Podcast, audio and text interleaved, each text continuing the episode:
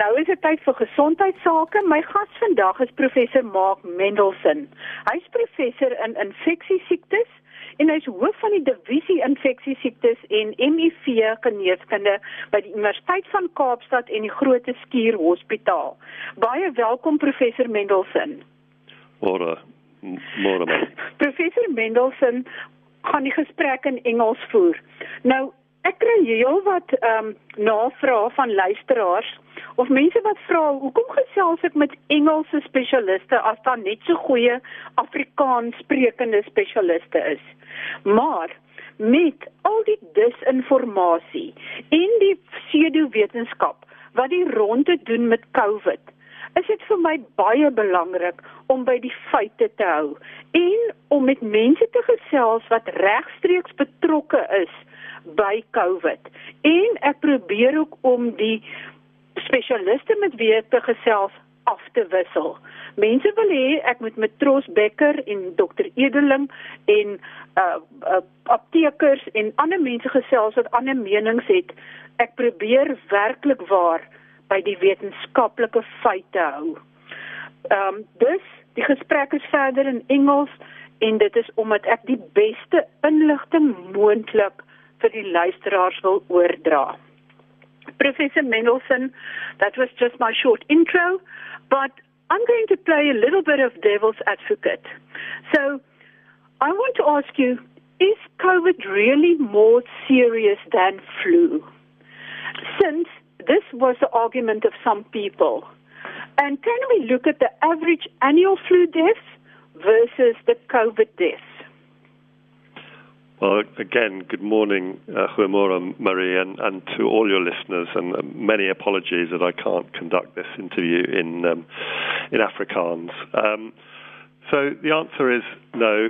Um, COVID uh, uh, 19 and in, caused by the, the coronavirus, SARS-CoV-2, and influenza are not the same thing. And just to be so that everybody's on the same page, when we're talking about influenza here or flu, um, as it's commonly called, we're talking about infections with the influenza virus.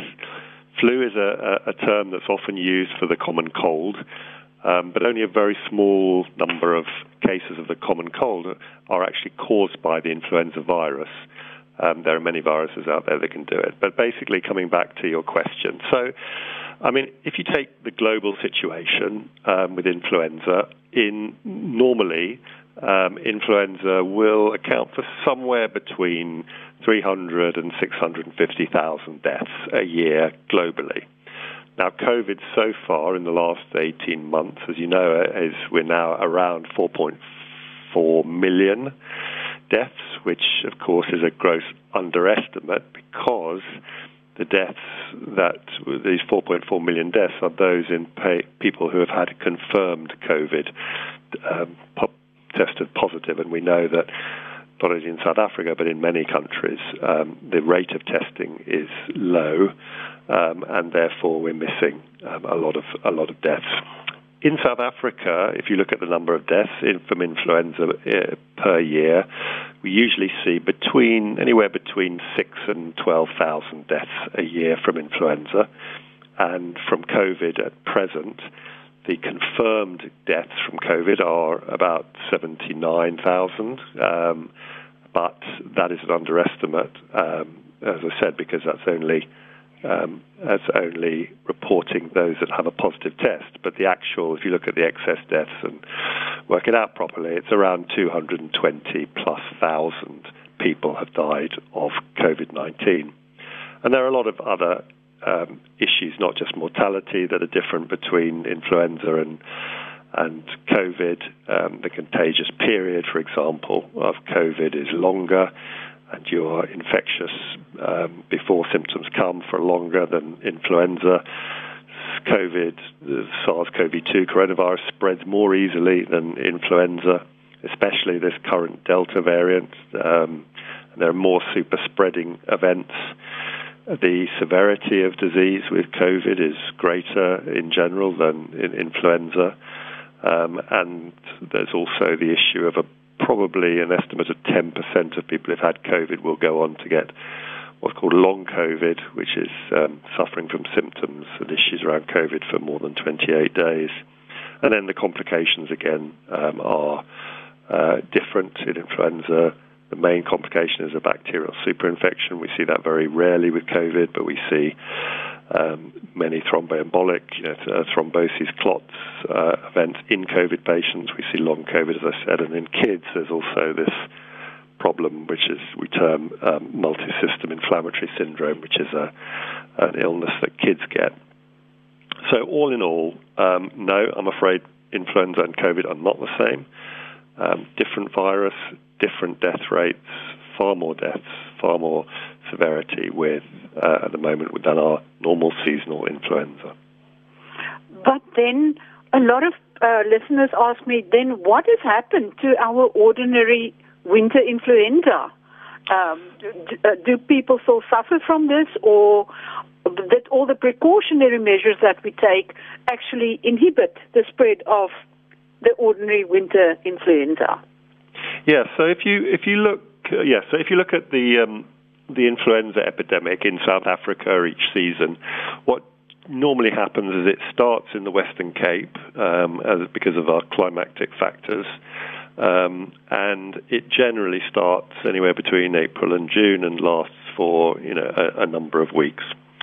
Um, in 2020, so last year, just before we went into the level five lockdown for COVID, we started to see cases. The epidemic looked as if it was starting in the Western Cape. We went into lockdown and put in public health interventions, and there were no more cases.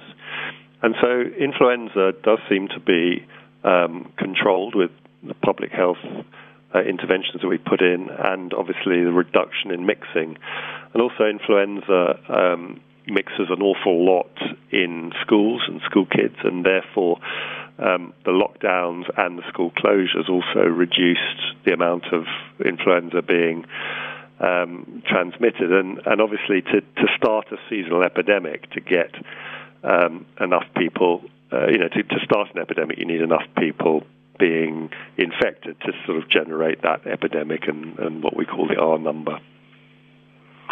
And then when we look at the MRC's report of excess deaths, um, do you do you really think, or is it correct to say that the bigger the bigger proportion of those deaths are related to unreported COVID cases? And but what about other diseases like heart conditions, diabetes, hypertension, and such that weren't treated as well as it should have been during the lockdown periods? Sure. So, I mean, when you have not just a lockdown, but I mean, the last 18 months has shown an enormous burden on our health system, and it's well documented that there have there is collateral damage from you know in, within a pandemic, and that's usually that damage is done in terms of other diseases, and we know, you know, TB notification rates and diagnostic rates are down, HIV, you know, a lot of uh, and a lot of other diseases, as you mentioned. Um, but when you, if you look at the the data from the South African Medical Research Council and the UCT actuarial division, which is you know where the, the, the data is is looked at and and um, and modelled, what you see is a very, very striking um, correlation between the proportion of people in the country or in any province being testing positive against the time of the confirmed deaths, um, excess deaths from um, from COVID, uh, sorry, the excess deaths we see in South Africa. Um, so there's a, sh- a, clear correlation in time. And then when you model um, the these numbers, what you what what we think is that probably between 85 and 95 percent of the excess deaths are um, of the natural excess deaths are due to COVID 19 and probably somewhere between 5 and 15 percent um, are likely due to collateral causes, um, as you've suggested, other diseases and that are overwhelming the state. But if you if you key those numbers in, what you're looking at is somewhere around 220,000 deaths from COVID in South Africa um, since the beginning of the epidemic here. Professor, that's quite a lot of deaths.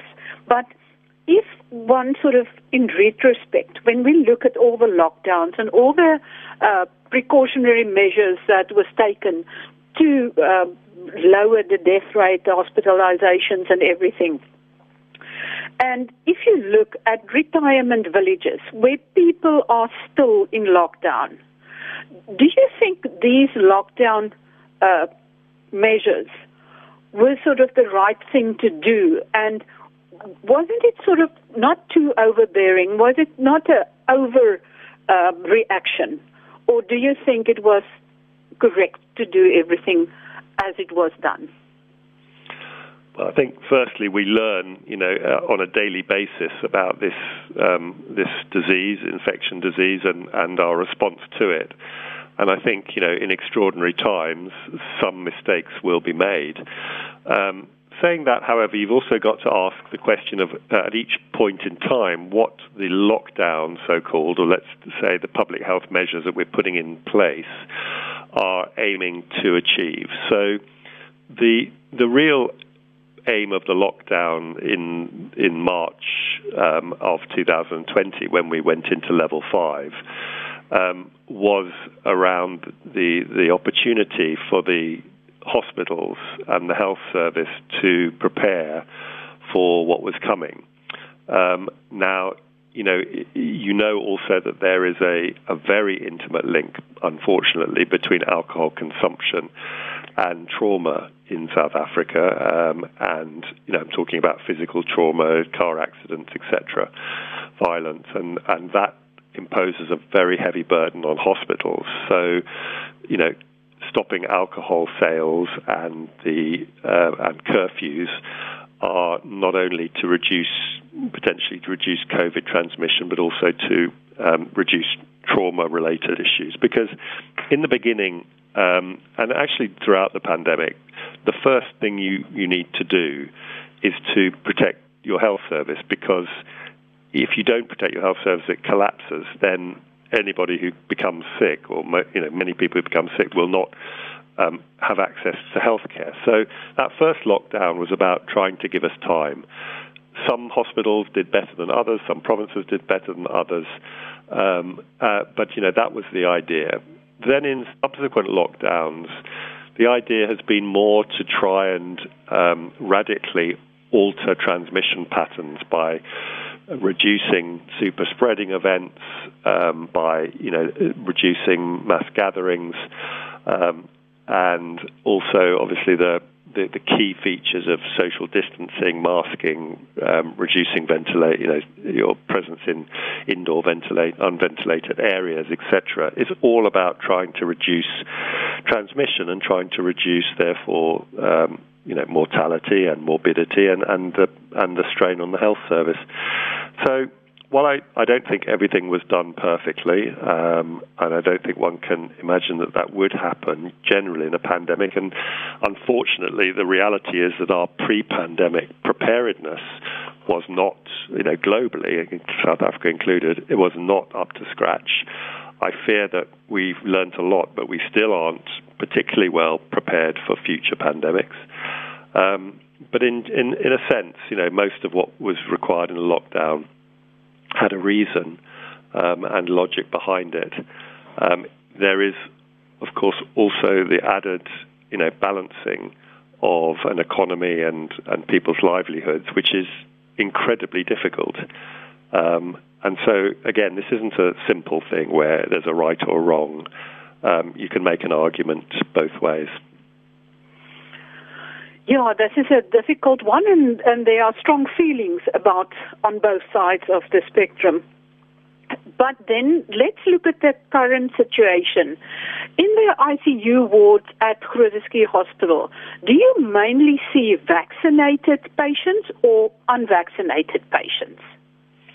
No, so again, I think we need to be clear about when we're talking about intensive care units what we what we mean. So, as, as your listeners know, there are when you're admitted to hospital, you can be admitted to a hospital ward. You may then, if you're even more sick and with very severe disease, you may be admitted to a high care unit, and then um, if you require mechanical ventilation, i.e., so such intervention that you need um, your breathing being helped by a, a machine with a tube um, inserted into your airways, um, that's intensive care unit. So very few people um, proportionally will get onto an intensive care unit. Um, so, you know, we may have 46 or uh, so around 40 to 50, uh, 40 to 60 beds for an intensive care unit, you know, in a 900 plus bedded hospital. So, you know, just to put things into proportion. But the most severe disease, um, you know, will go to the ICU and in our hospital also to our high care units where we provide um, you know, the penultimate high level of care and, and, oxygen support. Overwhelmingly, in our high care units and our um, and our ICUs, we are seeing unvaccinated people. Now, some of those people are unvaccinated because they haven't been um, eligible for a vaccine as yet. We have very young people, unfortunately, um, in our in our um, high care wards and our ICUs, including you know 20s upwards. Um, and uh, there are some people there who have, you know, made a decision not to vaccinate uh, for whatever reason. Um, we do see people who have been vaccinated um, who do get very severe disease, but it's extremely rare at present. Um, and you know that is what you would expect because the vaccines um, protect predominantly against severe disease um, being admitted to hospital and dying. And so they're doing their job. But, um, you know, it is predominantly an unvaccinated population that we're seeing in our high care and ICUs. Professor, um, people, a lot of people argue against vaccination. And one of the arguments uh, is that although you get vaccinated, you can still carry the virus, you can still transmit it, and you can still get ill. Um, what do you say to those people? Well, firstly, you know, again, I think everybody in the world would like a vaccine to do everything that you could possibly wish it to do, which would be including stopping transmission of the virus completely. Um, what the vaccine is really there to do is to save your life and to reduce the severity of COVID 19. Now, that doesn't only mean saving your life, but there are people who are being admitted to hospital with COVID 19 who are going to, uh, thankfully and happily, go home, who are going to have a very long road ahead of them and are likely, uh, you know, a large percentage of those people are likely to have long-term problems, including, you know, long-term problems with lungs, heart, kidneys, diabetes, etc. Um, there's also, as I said, the, the issue of long COVID. So, you know, the main importance of having the vaccine is to prevent um, severe disease. Now, the vaccine does reduce transmission. Um, it doesn't reduce transmission 100%. And yes, you can get um, COVID, but the people that are vaccinated who get COVID are much, much more likely to have either asymptomatic or mild disease than people um, who are unvaccinated. Uh, than who, yeah, who are un- unvaccinated. So, you know, I think we have to be very clear about what we want this vaccine to do, and really, what we want this vaccine to do is to save your lives. And if you, you know, could see what we see, if you could experience what we experience on a daily basis of people dying at the numbers that they're dying and the morbidity, the illness and sickness um, that we are seeing, you, you know, I think you'd have a different idea. And uh, you know, eNCA were allowed into our hospital. They showed pictures of the wards. They showed pictures of the high care unit and the the ICU, but it was very sanitized. You know, you don't show the reality of it because, you know, that's our job. That we're here for that. But what we're saying to you is, you know, this is exceptional. Usually we wouldn't want you to know what happens in hospital because it's distressing.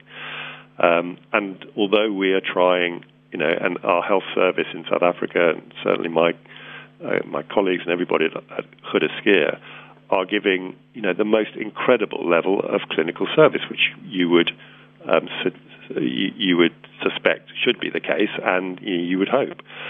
But we are seeing people who are severely ill and dying, and we know that this can be largely prevented through a vaccine. And that's why we are so keen that people go and get vaccinated. Some of the uh, people argue that although uh, the content of vaccines are published and known, that there are quite a lot of unknown uh, metals and other chemicals in the vaccine. How how do you re, how do how do one respond to that? Because there are groups that actually show that they found uh, different molecules or chemicals in the vaccine that's not supposed to be there that might cause in future might cause death or infertility and and other horrible things in future look, I'm really sorry, but I'm not a conspiracy theorist, and I I have not seen one piece of evidence where that, that is the case. So you know you. Because somebody produces evidence doesn't mean that it's good evidence. Okay, that's unfortunately, you know, behind the issue of ivermectin and all these other things where you know, rubbish in, rubbish out. I'm sorry, I don't accept that. The, the contents of the vaccines are known. Over 4.9 billion doses of vaccines for COVID have been delivered. There are, as yet, no long term effects that we know of of the vaccine. These vaccines, um, although these are new vaccines, they have been worked on for the last 10 years or so. They've been worked on in cases of Ebola and Zika virus and other things um, you know, most, what is said about these vaccines by conspiracy theorists and using myths and misinformation, unfortunately, is um, extremely damaging and very, very unfortunate. But I'm, I'm afraid I, I don't uh, agree with your assessment um, of what people say. And you've got to, at the end, look at the hard evidence, and the hard evidence is not there. Yeah, I'm just sort of stating some of the uh, counter um, arguments sure. uh, of uh, people con- trying to convince others not to vaccinate, or um, because there's there's quite a lot of people that against vaccination, a surprising uh, percentage of people advocating against the vaccines, and um, yeah, it's it's just difficult to ignore their statements, and uh, one has to either prove also prove them wrong, or or how should one uh, approach that? Well, you, have got to look at their evidence, and their evidence is extremely poor. Uh, you know, I mean, the, the, evidence actually isn't there. I, ha- I, have not seen evidence as yet that there are that uh, there are any harmful chemicals or you know new pieces of whatever you're talking about in the vaccine that is going to cause harm and long-term effects. You know, that is, that is not the case. What I can tell you is that, you know, people are dying, okay? You know, people are dying of a preventable disease. They're dying in large numbers.